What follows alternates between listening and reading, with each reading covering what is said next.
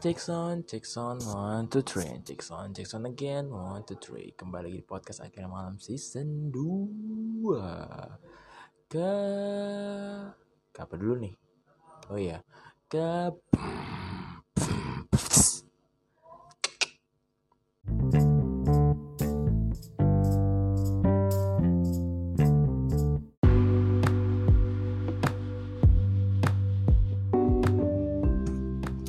Oke, gimana kabar kalian semua? Semoga pada baik-baik aja. Oke, jadi untuk kali ini ya, ya terus gue juga belum apa ya minta maaf dulu kepada para pendengar karena jujur karena gue gue udah jarang banget ngebuat ini episode dikarenakan kemarin tahun kemarin itu adalah tahun-tahun di mana ya gue bangga lah dengan apa yang gue raih apa yang gue dapetin pengalamannya selama satu tahun sorry selama satu ya dari semester 2 sampai, sampai semester 3 terakhir gue banyak banget pengalaman-pengalamannya satunya gue masuk ke dalam kayak kalau di bahasa kampus tuh BEM tapi kalau di ya, tergantung tergantung ini sih apa di kampus kalian tuh apa. Ada yang namanya BEM ada yang namanya DEMA ada yang BLM dan dan lain-lain itu alhamdulillah gue udah kelar masa baktinya di DEMA itu ngurusin cabang. Ya cabang di Banyumas sih karena gue lagi kuliah di, di daerah Purwokerto ya gitu. Habis itu banyak lah yang kayak apa kemarin ya pondok pesantren atau ke bahasa ya apa ya bahasa kita tuh ya pondok pesantren gitu. Tapi kalau bahasa gaulnya ya asrama gitu. Tapi sebenarnya sih ya pondok pesantren gitu. Nggak ada beda bedanya gue juga baru kelarin dan masih banyak lagi tapi nggak apa-apa tetapi sekali lagi gue gue, gue benar-benar minta maaf kepada para pendengar. Dan ya alhamdulillah gitu gue bisa menemani waktu ya kan? Dan gue juga pengen ngucapin happy new year ya untuk para pendengar. Meskipun lewat ya lewat sih sebenarnya sih udah lewat ya lewat sehari lah dari itu ya. Tapi nggak apa-apa ini masih dalam ruang lingkup awal tahun ya semoga buat para kalian yang apa ya bahasanya ya lagi punya keinginan untuk tahun ini bisa ter terjadi atau apa ya semangat masih panjang perjuangan kalian. Meskipun sama kayak gue juga gue juga masih masih panjang perjuangan gue untuk di apa yang gue raih sini. Gue juga nggak bisa berhenti begitu saja tidak bisa apa ya kayak sekedar cukup cukup gitu enggak gue bilang cukup ya, pasti gue cukup. Tapi kalau saya tanya tentang apakah lu nggak tentang uh, pengalaman dan apa yang lain ya, ya tetap gue sih juga masih haus gitu tapi dikarenakan dari fisik gue yang udah mulai agak sedikit mana bahasanya ya. Ya mandan uh, apa ya bahasa kita ya? Gak enak gitu ya. Kalau udah mulai gak enak nah udah mulai gue, gue sekarang udah mulai sakit-sakitan ya doain doain gue juga itu bisa bisa kembali ke top performa seperti biasa kayak hai gitu ya apa apa gue juga lagi berusaha untuk bisa comeback fisik gue tapi ya jujur ya untuk apa kalian nih ya yang lagi dengerin ini di sini kan pasti uh, mendengarkan kata introvert, extrovert dan lain itu. Nah rencana gue pengen ubah secara step by step itu apa itu introvert, apa itu extrovert atau, atau ambivert dan lain. Karena di tempat gue kan kayaknya gue pernah lah itu apa uh, ngebahas gitu tentang uh, apa pengalaman gue introvert gitu di, season 1 sih gue dan jujur itu ya kalian dengarnya kayak apa ya yang orang eh, introvert tuh pasti secara gamblangnya ya gampang dibully gampang ya gampang dikelabuin lah gitu ya ya begitulah itulah yang gue rasakan selama di selama SMA gitu. Dibully nggak dihargain emang jelek sih pos, pos ya emang jelek sih secara gue fisik ya fisik gitu sama gue itu. Dan itu menjadi apa ya senjata bumerang buat diri gue kenapa gue masih tetap stay on their stage gitu? Kenapa gue masih stay di dalam tempat itu? Kenapa gue nggak berubah gitu ini semua akan kita bahas nanti. Ditambah lagi sekarang kita lagi fasenya introvert day atau peringatan dari hari introvert sedunia ini mana jatuh pada tanggal 2 2 Januari. Ya setiap tanggal 2 Januari 2000 ya terserah sih. Ini, ini, kan udah apa ya bahasanya ya sudah peringatan di setiap 2 Januari. Jadi setiap tahun baru pasti ada saya super introvert gitu. Nah kenapa introvert dikaitkan dengan perayaan ulang tahun eh, sorry perayaan ulang tahun baru? Dikarenakan introvert tuh kalau ada ulang tahun ya udah. Kayak biasa aja kayak ah buat apa sih keluar keluar gitu? Capek betul males. Dan every day every time you can know this apa ya dis apa ya dis cecat lah catnya gitu. Itu ngebuat kayak ah fuck kayak itu harusnya kayak gue bisa main ke sini ke sana tapi setelah lo punya jiwa introvert gitu ya udah lu bodo amat gitu. Lu gak peduli apa yang di pinggir sekitar lu just like doing. Dan tambah lagi dengan gue akan menambahi dari apa ya tambahan-tambahan dari filosofi teras itu dari abah abah stoik ya. Pakar dari si siapa si zero. Zero atau siapa yang namanya ya? Nero apa ya? Gue lupa nih gue udah lama gak nge-review itu filosofi teras kadang-kadang gue sibuk ya kesibukan ini. Tapi jujur gue gue itu adalah orang yang introvert jujur. Gue akui bukan mati kayak eh gue ah lu bang apa kayak pas aku apa ya pas ini doang lu introvert. Tapi pas lu ke sama kita kita pada ya lu kayak bukan introvert itu ya. Introvert itu adalah suatu kalau bahasa uh, tidak Dika di satu episodenya introvert itu adalah pilihan gitu misalnya lu bisa mengkontrol itu lu bisa menyalakan itu ya semua kegiatan lu biasa aja. Jujur gue kok bisa di tempat paling ramai? Gue gue gugupan gugupan pusing males. Udah lu kira pada saat lagi gue lagi acara penting bareng temen gue kayak acara dema emang gue mainnya apa muncul paling utama? Enggak. Mau gue paling terakhir. Dan kalau misalkan gue datangnya terakhir mending gue gak usah datang. Kenapa? Malu. Bukan malu karena gue kayak telat bukan. Cuman ya gimana ya lu udah apa ya lu datang nih. Pengen datang nih sorry lebih tepatnya lu, pengen datang set dat mau datang nih. Pas udah chat lihat jam waktunya udah telat ya kan? Dan di grup ada bilangnya ini yuk semua udah pernah ngumpul nih buruan buruan itu kayak satu hal yang kayak what the fuck gitu. Gue mending gue gak usah deng gak usah datang gitu. Malu, malu karena malunya tuh gue nggak suka dengan orang yang ramai. Dan sekarang gue di place yang apa ya di tempat yang alhamdulillah udah gue serang gitu adalah kamar yang kosong. Bukan arti kamar kosong kayak jadi kayak ghost tuh no no nah ghost itu beda urusan beda bahasan tapi di sini adalah yang gue fokuskan adalah introvert ya maunya just play apa ya soft apa ya safe zone itu zona nyaman. Nah ini kan berkaitan juga dengan zona nyaman gitu. Nah jadi untuk topik-topiknya pasti pertama adalah tentang uh, introvert day satu. Yang kedua CC introvert. Yang ketiga kita akan apa ya uh, pembahasan dari kajian dari filosofi teras tentang introvert. Keempat adalah pengalaman gue yang mungkin gue bisa eh, sharing-sharing kepada para pendengar gitu. So kita lanjut ke bagian kedua here we go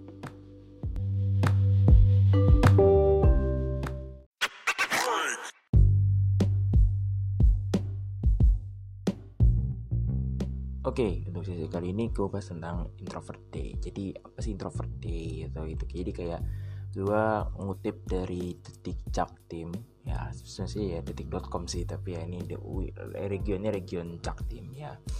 Ini jadi di dalam ya, intinya jadi introvert itu itu di, di, di apa ya, diperingati di, eh, sorry maksudnya di tanggal 2 Januari setiap setiap tanggal 2 Januari itu diperingati sebagai hari introvert sedunia. Nah, kenapa bisa muncul? Nah, tapi kita kita bahas dulu secara step by step ya dasar. Maksudnya apa sih introvert itu dari sudut pandang itu apa ya KBBI itu. Jadi menurut KBBI introvert itu merupakan uh, sifat atau uh, sifat yang secara tertutup gitu kepada uh, bahasanya tuh ke lingkungan sekitar gitu jadi orang yang suka memendam rasa asik uh, pikiran sendiri dan yang mengutarakan kepada orang lain itu udah secara umumnya adalah introvert nah ini menurut psikiater ya ini psikiater dari asal Swiss namanya Carl Gustav. Dia juga mengutip itu dia mengatakan bahwa satu pertama yang mendefinisikan seorang introvert adalah dari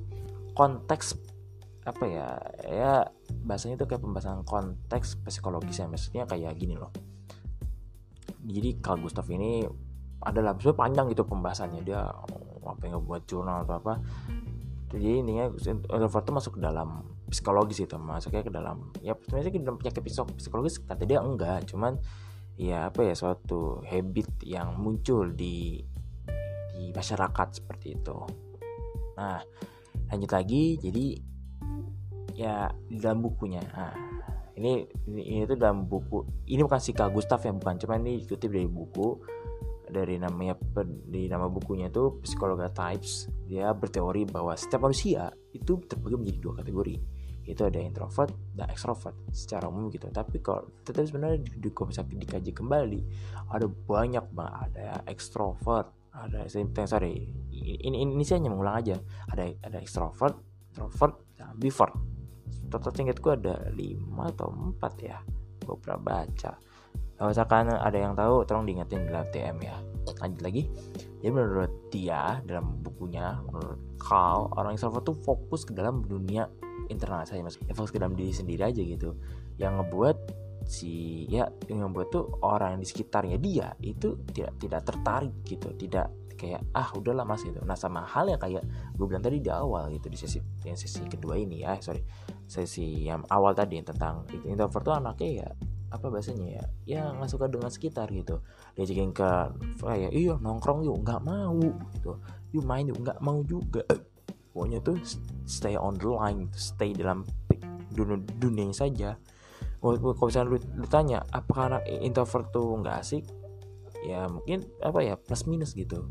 Kalau misalkan lu pintar ngajakinnya dia akan menjadi plus. Tapi kalau misalkan lu gak ngerti cara ngajakin ya lu akan jadi minus gitu. Paling kayak ah dianggapnya kayak bahan bulian gitu. Nah waktu itu pada zaman gue di SMA itu jujur gue orang benar fokus banget itu. Gue ngejar nilai gue nggak mau bagi satu apa ya bagi PR benar sampai ke gue dimusuhin gitu. Uh gue ngerasain banget sumpah. Tapi itu sebagai bentuk kayak apa ya gue nggak benar nggak ngerti gitu. Dikarenakan gue dari SMP SMP kan ya mungkin gue serasa kayak ekstrovert gitu. Gue kayak lepas banget ya tampil lah ngobrol lah jadi buat buat buat masalah lah. Habis itu hai sama temen gue lah ya nongkrong lah main PS lah dengan rental. Lah apa pun itu ada di SMP SD uh. Jangan salah gue SMP itu juga kadang di sebagai bahan bulian orang-orang anak-anaknya itu anak-anak yang sugih gitu. Orang sugih itu kayak orang kaya gitu yang kayak apa ya yang bisa lah anaknya mampu di kuliah di undip di UGM uh gila aku gue sudah ngerasain banget gitu. Makanya orang udah sanya udah kayak ya udah teman gue sekarang. Bahkan kalau dia orang datang ke live gue kayak ya udah gue sapa biasa aja gitu. Gak gue heroin sekarang. Tapi tapi tapi, tapi gue balik lagi. Jadi ya itu jadi introvert tuh hanya fokus dalam dunia saja gitu. Tapi sekali lagi misalkan lu pintar cara ngajakinnya ya itu akan menjadi plus minusnya lu gitu jadi pintar-pintar lu treatment aja lah. Asik. Oke lanjut. Jadi ya, tujuan dari introvert day itu tujuan untuk memahami mereka yang bersifat introvert. Jadi ya memahami lah teman kita yang introvert itu. Nah, termasuk gue kayaknya gue juga akan masuk ke dalam treatment ini deh. Entah jadi jadi gitu. Nah namun berbeda hal dengan perayaan umumnya. Jadi para introvert itu justru malah membuat pesta gitu. Mungkin pestanya bar bar itu setelah setelah uh, ulang tahun apa tahun baru atau sisi lain ya udah fokus ke acara perayaan aja gitu nah ini mengutip dari National Today jadi hari introvert dunia itu merupakan hari yang pas membiarkan para introvert itu sendirian. Kita bisa kita bisa memberikan ruang apa ruang kepada mereka yang membutuhkan gitu. Jadi kayak orang yang kayak nggak punya space yang tadi gue bilang kayak datang ke tempat ramai itu uh bubuh moh najis gitu mungkin ya. Tambah lagi dengan kayak ya apa ya mungkin secara relasi pertemanannya pun kecil gitu. Dikarenakan ya introvert tuh ya teman palingan satu dua tiga. Sisanya ya palingan teman-teman kayak teman kerja teman main teman ini teman itu ya. Intinya teman ya titelnya itu emang khususnya dari dari situ aja gitu itu itu benar kayak titel teman yang kayak tiap hari ada dan itu sulit itu apalagi sahabat tuh lebih sulit lagi. Lanjut. Jadi sejarahnya ya kita bahas sekarang secara sejarahnya dulu. Karena nanti akan dibagi beberapa part karena nanti ada ciri-ciri dan lain. Tapi gue fokus dulu dalam sejarahnya dulu oke? Okay? jadi gini sejarahnya ya. Jadi uh, hari introvert sedunia itu digagas oleh seorang psikologi asal Jerman yang namanya Felicitas Heines. Sorry Felicitas Heine ya dia merupakan penulis e-book berjudul Happily Introvert Ever After. Kalau bahasa Indonesia itu adalah uh, apa ya kesenangan introvert sampai setelah apa sih? Ya gue bahasa Inggrisnya jelek banget. Ini kayak gitu. Info total bahasa Inggris. Oke tapi lanjut. Next.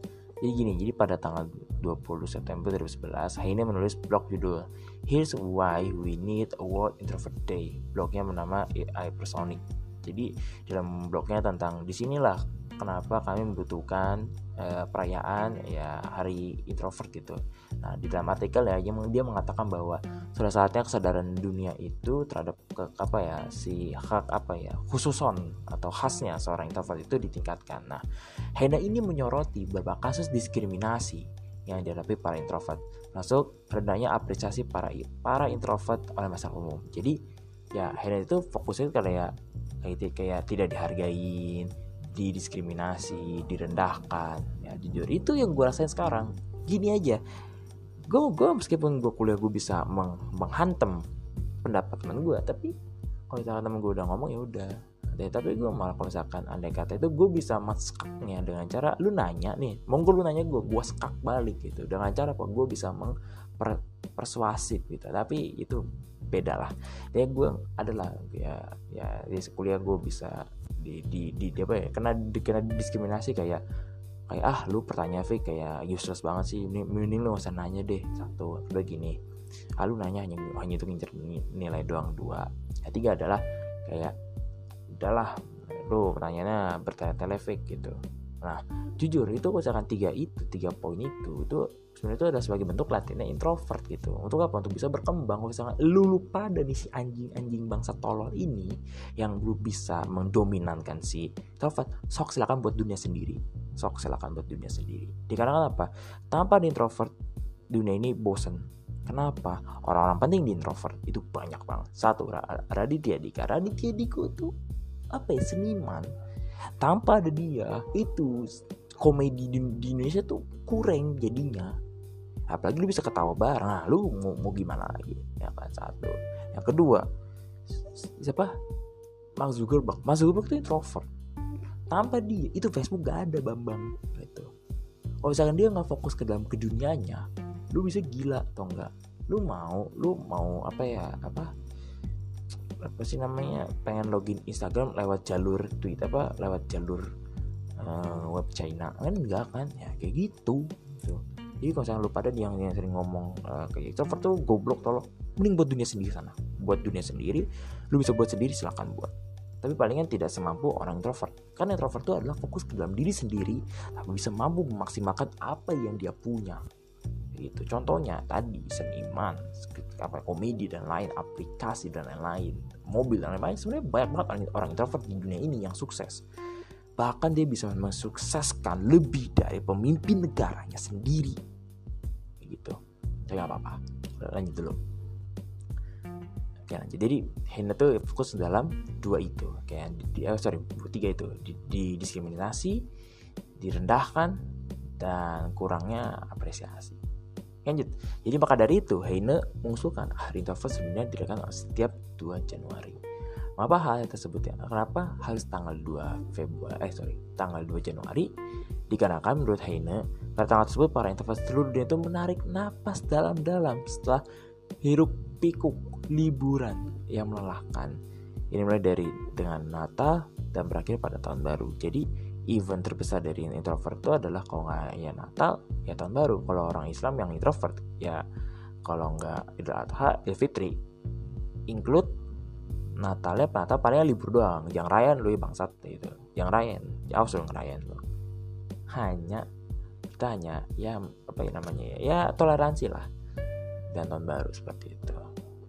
Oke.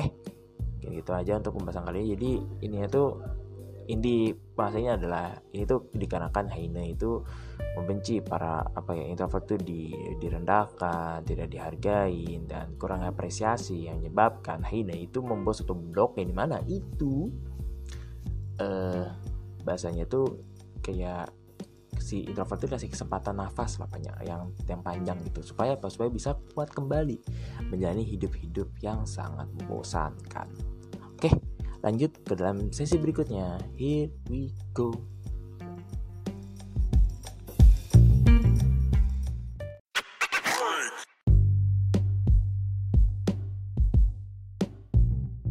Oke, sekarang lanjut dalam sesi berikutnya adalah sesi ciri-ciri. Tadi kan gue udah sedikit menyinggung ciri-ciri di awal kayak apa ya fokus di dalam diri sendiri dan lain gitu. Jujur, gue lakukan ini juga capek atau enggak? Sumpah capek anjing. Tapi dikarenakan inilah hobinya gue sekarang nge-podcast, jadi ya hobi gue misalkan bisa menjadi eh, apa namanya cuan, why not? Tapi gue gak ngejar cuannya dulu gue masih memaksimalkan apa yang gue bisa dulu. Jadi gini ini ciri-ciri dari introvert itu menurut headline ya sebenarnya ada beberapa ciri-ciri sih yang di, disinggung. Cuman gue ambil beberapa saja. Pertama tuh waktu luang dalam diri sendiri itu lebih banyak maksudnya gini. Jadi orang introvert itu ya waktu waktu apa ngabisin waktunya itu dengan cara ya udah di sini aja kayak di rumah di kamar gitu itu ya udah mau sendiri gitu. Nah bagi introvert hal tersebut merupakan sangat menyenangkan atau bisa menghabiskan waktunya sangat panjang dengan cara beristirahat atau menikmati hobi yang tenang dengan sendirian. Contohnya kayak lu baca buku mungkin orang introvert mungkin bisa selesai buku. Makanya itu orang-orang yang introvert tuh kadang suka bisa disuruh menjadi pemikir uh gacornya pol gitu kencengnya pol disuruh buat proker cepet jadinya. Dikarenakan apa? Mikir dulu yang panjang dianalisis dulu dipraktekkan dalam ya, imajinasi baru bisa dilakukan. Seperti itu. Jadi ya ini kalau misalnya menurut introvert ya jadi jika waktu menyendiri itu sebagai bentuk pendorong perasaan yang damai dan lega. Bukan kekecewaan dan stres tapi biasanya untuk di orang ya, ya mungkin habit pemuda sekarang introvert ya sekarang kalau misalkan sendiri itu saya stres. Karena apa mikirin broker mikirin gaji mikirin audit uang mikirin bisnisnya lain itu yang ngebuat salah pemahaman seperti itu. Tapi ya udahlah itu bisa diatur sendiri itu tergantung dari masing-masing orang tersebut. Seperti itu. Jadi mungkinan uh, ini usahakan itu usahakan kalian nih yang sudah kayak oh ternyata jadi pertama aku kayak gini ya berarti anda cenderung ke introvert gitu. Lanjut. Nah yang kedua adalah lelah karena terlalu banyak bersosialisasi. Nah yang, yang tadi gue bilang orang introvert kalau taruh di muka umum banyak banget capek.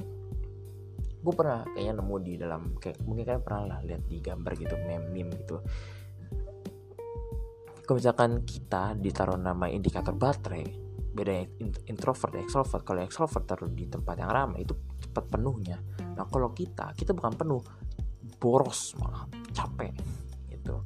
Makanya itu kita benci dengan interaksi sosial dan menghindar mau bisa itu menghindari sama sekali gitu.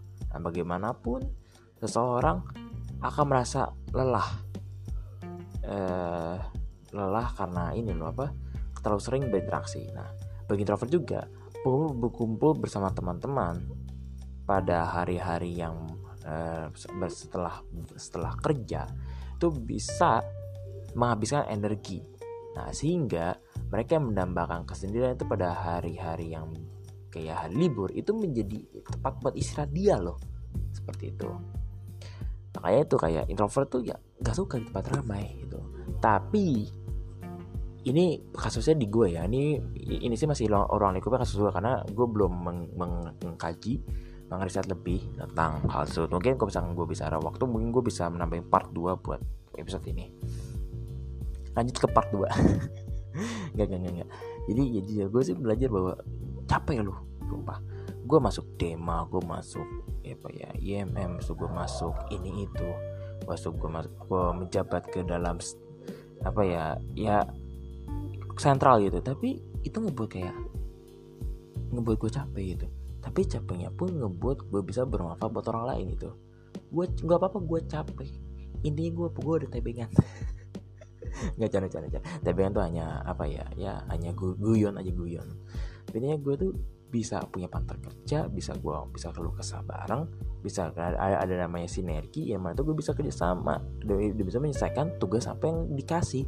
Nah tapi biasanya yang gue rasain buru-buru ada namanya gitu. Di dema itu yang dema yang gue rasain ya. Ini gue bukan buka buka buka cuman ya lihatnya sih seru gitu. Hai hai tapi pada saat lagi suruh hari ha wah wah bagus keren. Tapi keren pada mati kayak ya secara apa ya formalitas. Tapi suka misalkan kayak uh kalau lagi intensif kegiatan uh boro-boro uh panitia pada tidur. Uh bangke banget tapi ya udahlah itu adalah manusia ya kan manusia itu memang begitu santai aja lanjutkan aja lur gitu oke seperti itu lanjut Nah, kalau introvert tuh orang yang ketiga ya adalah suka bekerja sendiri. Nah, kenapa sebegitu? Nah, jadi ciri-ciri introvert yang ini itu lebih antusias bekerja sendiri dibandingkan bekerja kelompok. Tentu saja, ini tidak berarti seorang introvert kesulitan bergaul dengan orang lain, tapi mungkin lebih mudah berkonsentrasi pada saat bekerja sendiri. Itu juga berlaku pada hobi-hobi seorang introvert yang mana memilih hiburan yang bisa dengan sendiri seperti membaca, membuat kerajinan, main game atau berkebun daripada bersosialisasi atau ya bilangnya kerja sama tim tapi yang kerja sendiri tapi sekalinya yang yang apa kalau lagi apa kalau kelar kegiatan wow punya kelompok asu kampret banget sumpah. Kayak what the fuck's going on here gitu. Tapi ya udahlah that's life. Nah itu. Ini ini sih kembali pada pengalaman gue gitu. Jujur ya gue saya tanya kayak Fik kok lu bisa sih ngerjain pekerjaan yang mungkin oh itu kan bisa dibagi-bagi tapi lu sukanya mau sendiri? Karena apa? Gue ngerasain arti kerja kelompok itu biasa sih. Kedua adalah gue lebih nyaman sendiri. Meskipun kayak capek pegal tapi secara durability gue kuat. Tapi secara secara apa ya eh mintanya itu kerja sama tim gue durability gue jelek gitu. karena gue dikala gue gue lempar ke tim boro-boro dikelarin dianggurin. Gue kesel gue sumpah. Makanya itu gue kalau misalnya milih tim gue milih tim yang udah stay apa ya stay strong gitu stay secara konsentrasi dan lain tapi misalkan lu udah punya patah kerja tapi malah ngangong tapi lu nggak bisa apa tapi tim itu punya ketuanya itu yang apa ya terus balik lagi balik lagi pada anggota dan Justru sih nggak apa-apa sih bagi anggota nggak apa-apa, tapi secara ketua pun harus ada namanya apa ya eh, diksi yang kuat. Jadi pada saat dia maunya tugasnya A ya A, tapi A-nya itu mungkin bisa berubah ke arah yang mungkin sesuai dengan kesepakatan bersama gitu. Tapi yang gue rasain selama gue misalnya semester 3 eh sorry, sorry lebih tepatnya semester 4 gue nggak dapet itu. Malahan gue yang bukan ketua malah kayak terasa ketua gitu. Bukan berarti kayak keras kepala bukan. No no bukan itu. Tapi gue lebih suka lu kan sebagai tua lu punya diksi apa yang kuat? Lu punya kebijakan apa yang kuat? Lu punya kemauan apa yang kuat? Gak usah ada omongin di tempat omongin di forum gitu. Jangan pada saat udah kelar forum baru ngomong tai gitu. Makanya itu acara namanya siapa namanya? Acara-acara yang gue pegang alhamdulillah berjalan dengan baik. Alhamdulillah gitu. Dan satunya ini jokian. Sorry bukan mungkin jokian. Podcast jokian itu jalan. Ya apa lah jalan. Kenapa? Ya gue merasakan gitu. Gue lebih suka dengan orang yang apa ya bekerjanya itu emang emang niatnya bekerja bukan kayak ya udah bekerja aja. Enggak kerja itu kayak ya udah kayak bahasanya kayak kita tuh formalitas gitu gitu gue nggak suka gitu. Nggak suka banget. Makanya itu gue apa ya saya tanya kayak bro kok lu bisa kerjanya apa ya sangat intensif? Ya karena gue gak suka dengan kerja yang memble-memble gitu. Gue bukan jiwa memble gitu. Meskipun kayak wah Fikri santai Fikri juga karena apa? Itu bentuk gue istirahat kambing gitu. Gue istirahat dulu capek sumpah. Itu gue bisa kayak itu gue lihat kayak oh Fikri lagi apa ya lagi orang lagi pada belajar Fikri santai. Kenapa Fikri udah capek. Gue udah capek dengan dan sebelum lu. Jika lu baru mulai gue udah kelar. Itu aja udah secara kasarnya gitu. Ya kan? Oke lanjut. Yang keempat adalah memilih peran di balik layar. Nah ini para introvert tuh memilih bahwa ya keberatan eh sorry, lebih tepatnya tidak keberatan bekerja dalam kelompok yang lebih kecil tapi yang kecil itu kayak teman-teman dekat itu. Tapi dia selalu memilih di belakang layar gitu. Jadi ya balik lagi kepada poin di awal gitu dia nggak suka ketemu orang yang banyak lain gitu. Nah mungkin it, dia lebih suka uh, bahasa kita tuh apa ya meneliti. Nah makanya itu gue suka meneliti gue suka baca-baca jurnal kadang-kadang baca jurnal kadang gue enggak kadang gue baca buku kadang enggak. Karena itu apa? Karena sebagai bentuk gue lebih suka di belakang layar gitu. Nah, nah sekarang contohnya seperti apa ya? Nge, apa ya? Ngebuat konten podcast. Nah podcast apakah gue harus ketemu orang langsung? No. Gue yang modal record ngomong ngomong dengan materi apa yang gue siapkan. Nah, itu udah. Kayak gini that's it. Selesai. Itulah introvert ya kan itu gue tuh introvert anjing. Gue tuh introvert cuman ya karena gue juga udah sekarang tinggalnya di daerah-daerah yang harus namanya keluar dari safe zone ya udahlah. Santai aja sih menurut gue sih. Tapi agak saya kesel aja kalau misalkan yang gue bilang gitu punya temen kerja kayak anjing itu kesel banget coba tapi ya udahlah whatever. Lanjut. Lebih suka lingkaran teman dekat. Nah banyak introvert hanya memiliki lingkaran ke teman tuh akan sangat kecil tapi itu bukan bukan karena mereka tidak berteman atau tidak menyukai orang lain. Nah tapi dikarenakan dia lebih percaya dengan orang terdekatnya. Gue punya pengalaman gini. Gue baru ya maksudnya ya mungkin daerah-daerah SMA lah. Gue banyak teman A B C D E F G H G sampai Z ya kan? Tapi dikarenakan gue introvert oh gue dibully bisa-bisa kayak oh anak anjing gitu. Gue inget banget namanya Fabio Fabio Vigo Jafar bukan Jafar Habib ya bukan ini namanya Jafarudin. Bagi Rehan ya, siapa siapa maning ya. Uh, lagi ya dan saya itu banyak sih yang gitu. Tapi orang yang terkumpul itu adalah orang-orang yang sama gue sama tuh ya agak sedikit gue gedek gitu. Padahal gue tau orang-orang ini tuh ya apa ya cups gitu cupu banget. Tapi dikarenakan ya udah kayak ya udahlah sang gue sang gue sih udah udah tenang gitu karena gue udah ngomong kayak udah beban gue udah hilang gitu tahun ini. Karena gue udah berani ngomong gitu. Tapi dulu gue gak berani karena ya terlalu apa ya gerombo mau yang ngebully orang yang paling di, di bawah rendahnya. Jadi kayak agak sih gue pengen kayak oh tak tonjok rasanya teman ya udahlah who knows ya sudahlah. Itulah hidup ya kan maunya tuh semuanya tuh ya orang lain tuh direndahkan. Jadi derajat dia tuh tinggi padahal aslinya adalah misalnya lu merendahkan orang lain itu sama aja lu merendahkan diri lu sendiri. Jangan oke lanjut. Ini, ini, ini sih masih poin tentang lebih, lebih suka lingkaran teman dekat. Nah kenapa bisa gitu? Karena diberikan amanah. Ya kalau misalnya kayak gini lu mau punya lu punya pekerjaan nih lu lempar ke temen lu yang teman deket lu yang lu bertahun-tahun pasti lu akan percaya gitu ya ah mungkin ini gue tahu sikapnya gue tau gue tahu sikap sifatnya dia bla bla bla bla gue tinggal lempar dia gue gue, kasih mana lu kerjain ya. Lu mau semaksimal mungkin lo atau enggak itu ada di lo gue udah ngasih tanggung jawab lo jadi lo bisa lakuin nah gitu aja udah selesai. Banyak lah yang gue udah pernah lempar tanggung jawab kepada teman-teman gue bukan berarti gue kabur bukan tapi gue memberikan kesempatan teman gue tuh bekerja. Saya teman gue namanya Akbar teman pondok sih. Beliau ini tuh apa ya secara itu sergap itu sergap cepat kerjanya. Mau namanya itu mau kerja gitu. Dia pintar asal analis. Ini gue gue percaya orang ini tuh adalah salah satu orang yang bisa menjadi apa ya tumpuan gitu. Pintar banget sumpah. Tapi yang ngebuat dia lemah adalah dia kurang percaya diri gitu. Sama kah sama hal kayak gue lah. Gue juga sama gitu. Gue, juga, juga kurang gue juga kurang percaya diri dan ya udah kalau gue kayak ada namanya orderan gitu. Dia kan kayak nih ber kerjain itu. Udah kerjain langsung intens tapi ya ini semua karena emang apa ya money. Cuan tapi gue nggak gue nggak bikin cuannya dulu. Tapi gue, pernah bilang ke teman gue ini namanya Akbar bar kerjain semaksimal mungkin. Jangan bikin uangnya dulu. Pikirin dulu ya bagaimana cara bisa menyelesaikan secara maksimal dan tuntas dan berkualitas. Seperti itu. Itu adalah mental seorang profesional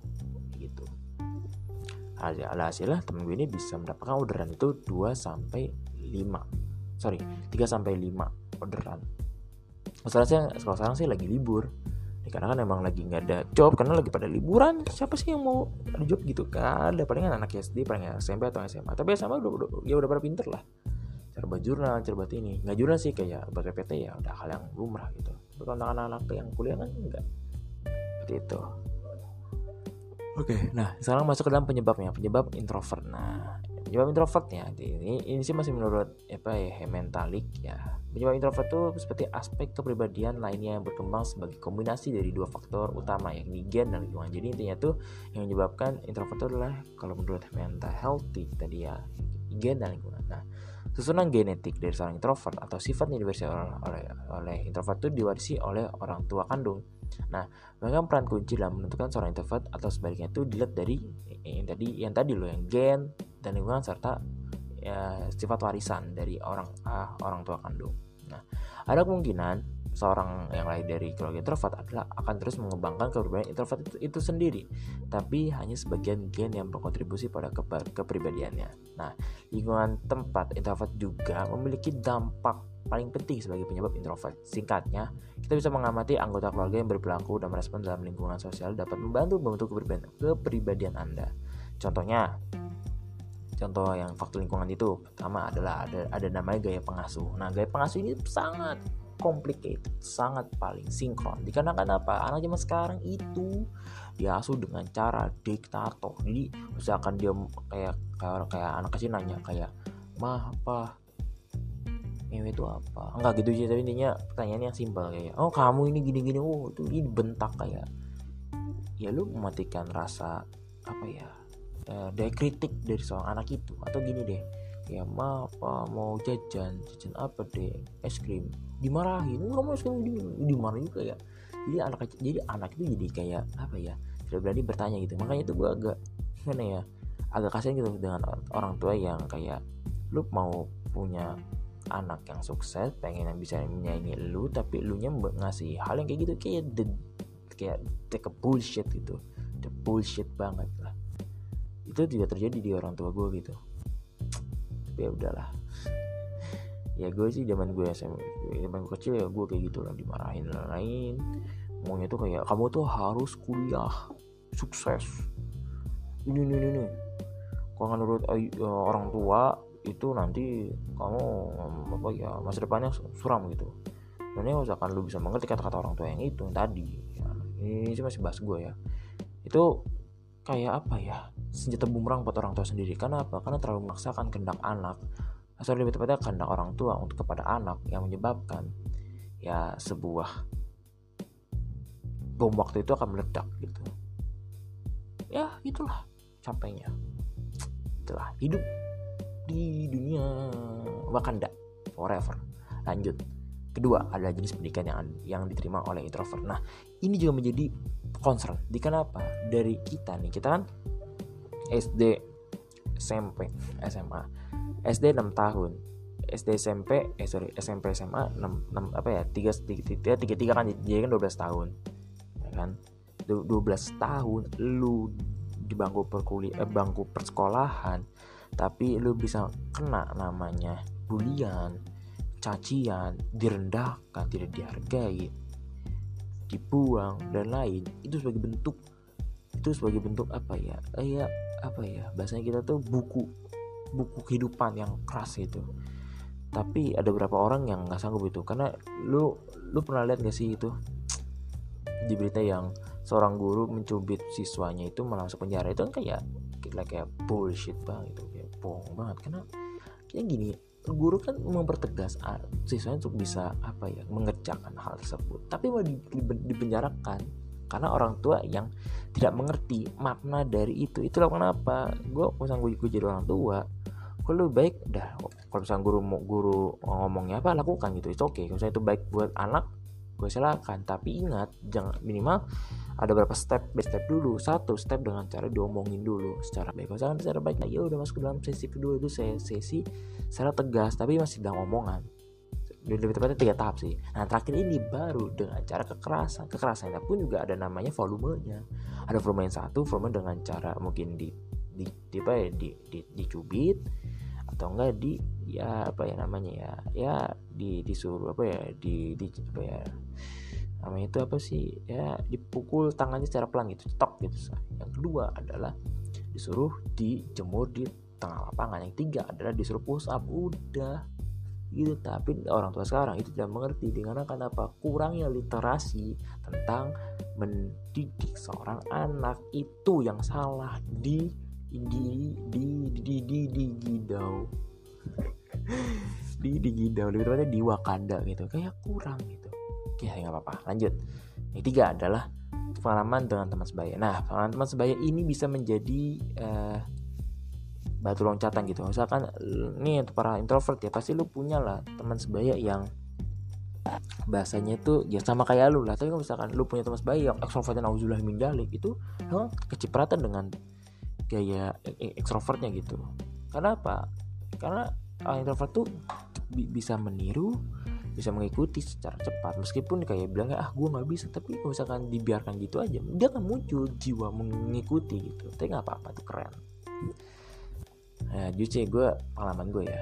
Gue kan ya SD SMP SMA ya dibully dan lain-lain. Karena gue sering introvert karena kayak udahlah parah gitu introvert gue tapi itu bisa menjadi bahan eval gue gitu bahwa oh ternyata gue kurang ini kurang ini kurang ini nih ya udah gue coba. Besoknya gue digini lagi udah gue gue coba ulangin ulangin terus sampai gue bisa diterima di lingkungan yang ada di hmm, sekolah gitu. Tapi kalau misalnya gue tarik tarik kembali kepada zaman SD zaman SD gue paling indah gitu. Gue punya teman sama-sama introvert tapi kita bisa menjelajah kota gitu. Maksudnya ya ya memang masih kecil sih cuman yang kita jajah kota tuh kayak pasar kayak stasiun kayak tempat makan itu itu masih kecil tuh gue udah berani gitu sama teman gue ini. Muter-muter naik sepeda kayak orang gak jelas ayai lebar balapan seru-seruan tuh ya itu sebagai bentuk eh, pengalaman gue lah selama gue masih menjadi teman apa ya teman sebaya teman masa kecil gitu. Indah sih gue kangen masa itu. Sekarang udah ditabok kehidupan harus kayak saatnya kamu fik berjuang di ranah yang sudah saatnya kamu lakuin itu adalah perkuliahan sekarang. Seperti itu. Lanjut. Yang terakhir adalah pengalaman hidup terutama di masa kecil juga menjadi penyebab introvert. Jadi maksudnya apa? Jadi ya kalau misalkan masa kecil kita sudah kayak masih malu-malu dan itu akan menjadi kayak habit yang akan terus ke bawah sampai besar gitu. Yang, seperti gue bilang tadi loh kayak ya males kayak malas itu sih itu kayak malas berinteraksi habis itu maunya sendiri ya sukanya sendiri habis itu punya temennya itu tuh doang. Itu menjadi menjadi habit yang ke bawah besar. Seperti itu. Oke mungkin sekitar itu sesi kali ini. Lanjut dalam sesi berikut tentang filosofi teras tentang introvert. Lanjut ke sesi berikutnya. Here we go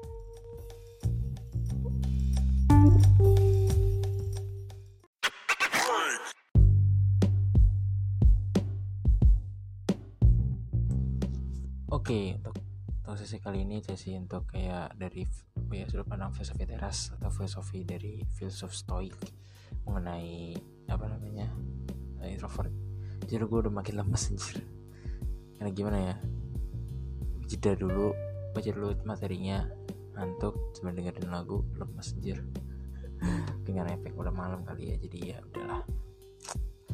Oke, jadi ini ini menurut uh, siapa namanya filsuf dari stoik ya mungkin bisa baca baca juga. Uh, ini balik lagi pada kalian kalau misalkan baca di subbab tentang dikotomi. Kan ada dikotomi trikotomi. Itu menjelaskan bahwa kita bagaimana kita bisa mengatur itu semua. Tapi mengaturnya itu adalah kita yang ikhlas gitu. Contoh kayak bencana alam. Yaudah dibawa ikhlas dibawa santai. Omongan orang. Apakah itu bisa diatur? Nggak bisa rezeki gak ada yang bisa. Kesenangan orang lain gak ada yang bisa. Itu sebenarnya pada kita bagaimana kita bisa membuat suatu change bisa membuat kesempatan gitu. Nah di sini gue menarik hmm, apa namanya uh, korelasi antara dikotomi dengan uh, introvert gitu. Jadi introvert kan berkaitan dengan si siapa namanya si introvert itu kan ya apa ya stay on the apa ya on the spot gitu ya sesuai dengan tempatnya gitu dia macam dia sukanya ya A ya A gitu. Nggak mau keluar dari zonanya ya itu bagi pada ini ke dalam kalau menurut buku uh, lebih tepatnya filsufnya ya filosofinya itu uh, bagaimana ya bagaimana si introvert itu memanage itu.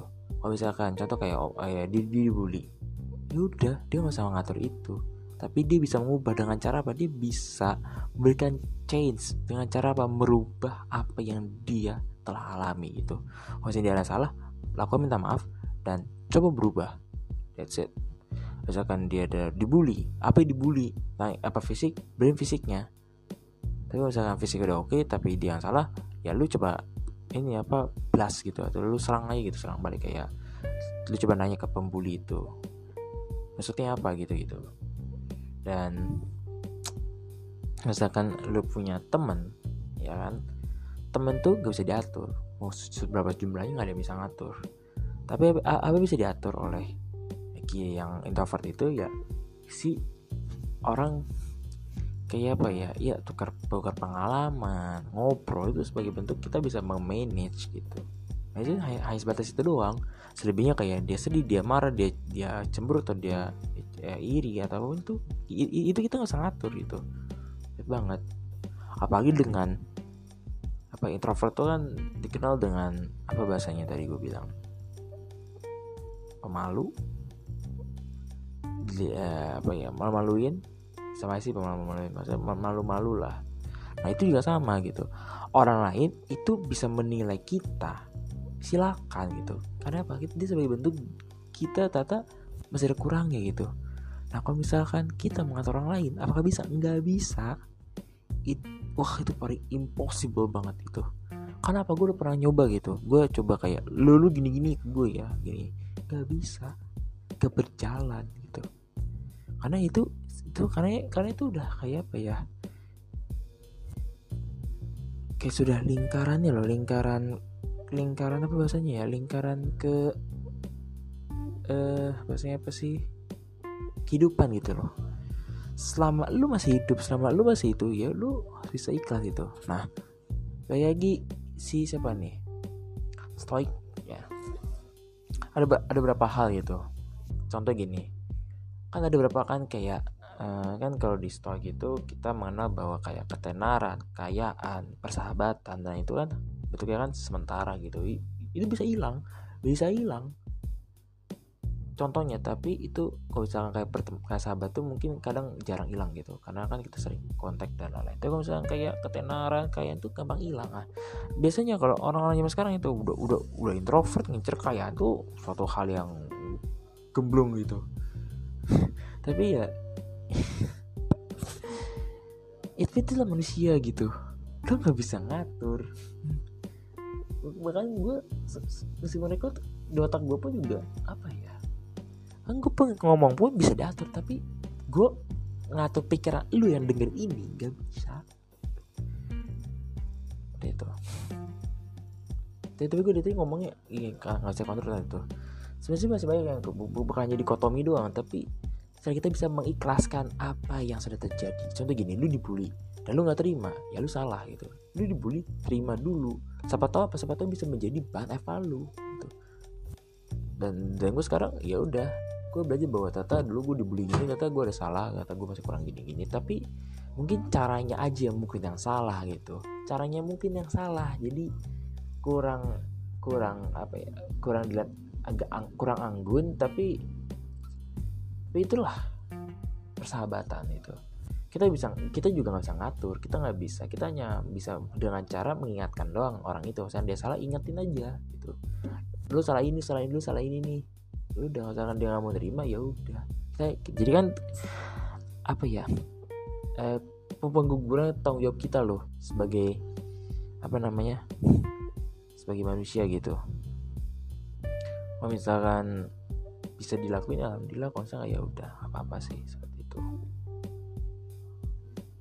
Dan gue sih lanjut ke dalam pembahasan berikutnya tentang pengalaman gue sih. Jadi aman gue ini dari, dari, dari tadi gue udah gue juga udah udah berapa yang udah gue singgung lah. Tadi ada berapa banget kayaknya udah udah banyak lah yang, yang gue singgung gitu.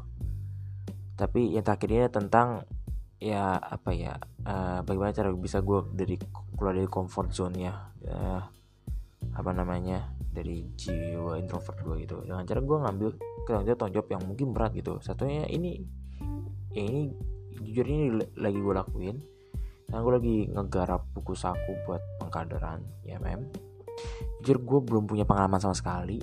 Bahkan cara contohnya gini-gini pun gak ada. Jadi atasnya hanya kayak memberikan saran kayak gitu. Loh Kalau itu buat timeline gini-gini gini-gini Iya timeline. Tapi gue juga gak biasa ya.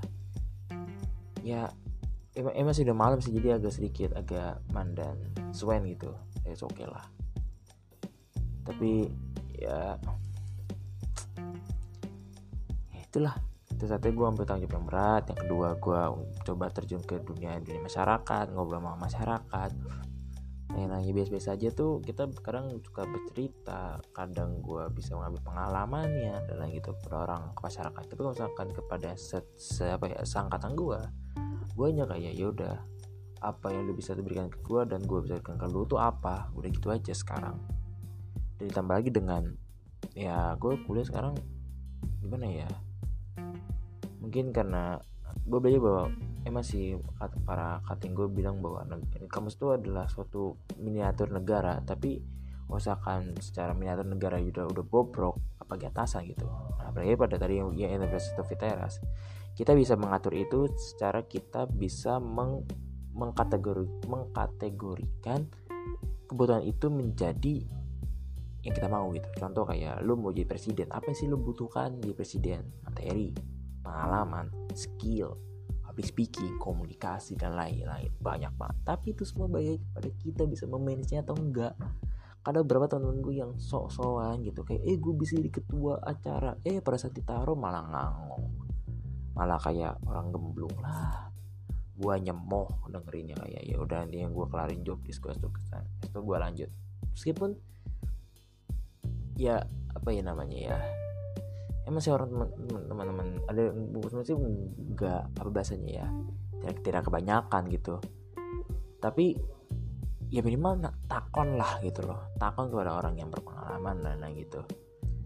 Tapi malah enggak gitu. Jujur gue punya ketua pun gue sering banyak nanya meskipun kayak orang goblok kayak nanya mulut. Tapi gimana gue emang ya nggak punya pengalamannya gitu. Bukan arti kayak nggak punya pengalaman sebagai bentuk apa ya namanya ya eh, senjata utama gue bukan tapi emang gue emang gak ngerti gimana cara buatnya gimana cara buatnya makanya tuh gue misalkan sudah dikasih tahu cara secara detail santai contoh gini gue pernah disuruh mimpin jadi ya apa suruh mimpin sidang gue sering nanya mulu ke SC nya ini gimana kalau misalnya terjadi gini gini gini gimana sampai SC gue kesel karena nanya mulu Fikri sumpah tapi gimana? Itu, itu sebagai bentuk gue belajar. Tapi setelah gue udah kelar dari acara itu gue bisa terbang sendiri. Gue bisa jalan sendiri. Kenapa? Gue udah punya basic skillnya. Misalnya basic skillnya sudah jelas gue berani mengeksplor meng apa yang gue mau apa itu. Gak apa-apa. Gue misalkan basic skill yang gue punya ini lemah gimana itu bisa mengembangkannya? Sama hal kayak di Indonesia. Indonesia makanya itu Om almarhum Kasino mengatakan bahwa Indonesia itu kurang orang jujur. Nah, zaman sekarang orang jujur plus orang yang mengkredibilitas yang tepat. Itu orang sekarang gitu. Itu menyebabkan bahwa adanya kekurangan basic skill atau adanya kekurangan literasi antar lapisan masyarakat. Yang di mana kayak gini masa UU tentang jomblo diatur? What the fuck gitu. Ya meskipun sih ya seneng lah gue denger kayak ih UU nanti bisa apa ya melindungi jomblo. Tapi secara bahasanya apa ya? Secara uh, poin pentingnya apakah ada? Gak ada. Tidak ada. Bahkan yang paling gue kesal adalah tentang apa ya? Ini yang kasus baru sih tentang hmm, bapak uh, gubernur Jateng bapak Ganjar itu terlibat kas apa terlibat kayaknya sih kayaknya ini kayak ini, ini, ini akan menjadi kasus gitu kasus yang ini apa? Menggunakan dana basnas dana zakat untuk penggunaan bangun rumah. Sebenarnya sih secara diksi kalimatnya nggak apa-apa. Tapi usah lu memahami beritanya oh kan sumpah kesel banget. Karena gini gue nak gue tadi pagi ngobrol sama teman-teman gue lah yang ngerti bagian zakat gitu. Karena gue kan juga belum belum belum ngerti banget. Tapi gue nanya gitu kayak ini gimana tanggapnya gini gini dia temen gue bilang gini usah lu fit lu kan mau apa ya lu kan belajar ber, ber, ber, ber, banget nih. Intinya ini itu 8 orang yang dibutuhkan zakat itu ini itu harus diput, apa, di, dipenuhin. Tapi untuk yang bagian rumah ini itu pun ada namanya itu kriterianya. Contoh kalau misalkan rumahnya udah kayak rumah yang ada di pinggir pinggir kali Jakarta itu seperti gambaran gitu. Pinggir kali Jakarta itu butuh banget di, di, di berapa ya dibangun rumah. Nah tapi misalkan kayak rumahnya masih sudah lantai sudah dipur sudah dindingnya bercacat dan dengan bonus katanya menjadi kader oh shit. Itu pun kayak apa ya worst banget gitu loh. Bukan worst gua bukan worst tapi emang jadi useless banget menurut gua. Itu menyalahkan itu menurut gue ya kalau misalnya bahasa uh, kontrak drafting asik bahasa kontrak drafting nomor belajar. Tapi secara kont apa bukan, kontrak drafting tapi secara secara uh, secara kajian-kajian ekonomi Islam dan kajian-kajian zakat itu menyalahi aturan gitu. Udah udah udah, udah nyalain aturan nyalain apa menyalahgunakan kekuasaan itu hal yang cukup apa ya skeptis bukan skeptis kayak apa ya kurang gitu. Ini gue bukan merendahkan cuman agak sedikit apa ya menyayangkan aja gitu. Seorang bapak Ganjar yang di MBMB menjadi presiden tapi malah harus apa masanya harus ter, terjerat kasus begini kan kayak jujur gue, sih sebagai bentuk orang yang apa ya apa ya yang kampusnya kedatangan Pak Ganjar dan ada apa ya gue ngeliat Pak Ganjar bisa bahasanya apa ya punya jiwa sosial banget yang katanya yang singkat gue tuh waktu waktu datang ke Win itu ke kampus gue itu mem membiayai uh, mahasiswa masih sorry mahasiswi. Jumlahnya itu ada tiga atau empat ya kalian gue lupa gue itu dibayar setahun itu. Dengan jadi kayak oke okay, keren gitu jiwa sosial. Tapi pada saat kayak lihat lagi lo lo lo ini bisa jadi sebagai bentuk apa ya, permainan partai politik gitu. Maksudnya kayak makanan partai politik sekarang gitu loh. Permainan politik lah tapi kalau misalkan mau mau dipakai buat non politik pun juga sebenarnya salah gitu. Karena dana zakat sebaiknya ya ya dibutuhkan buat orang-orang yang butuh gitu. Bukan buat kayak yang di include di kader. Enggak gitu. Kan jadinya kan efeknya apa? Satu citranya jadi kurang. Yang kedua kurang yang ketiga yang kenapa? Nanti yang ketua basnas sekarang atau umumnya tuh bisa kena malahan.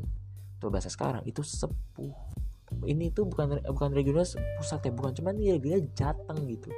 Padahal udah sesepuh udah kayak udah sideko dawuh lah. Udah kayak ya apa ya ya di kayak mau taat juga taat peraturannya. Zakat juga kurang lah gitu. Jadi kayak aduh pak pak no no no no. Ya udahlah kejadian ya kan?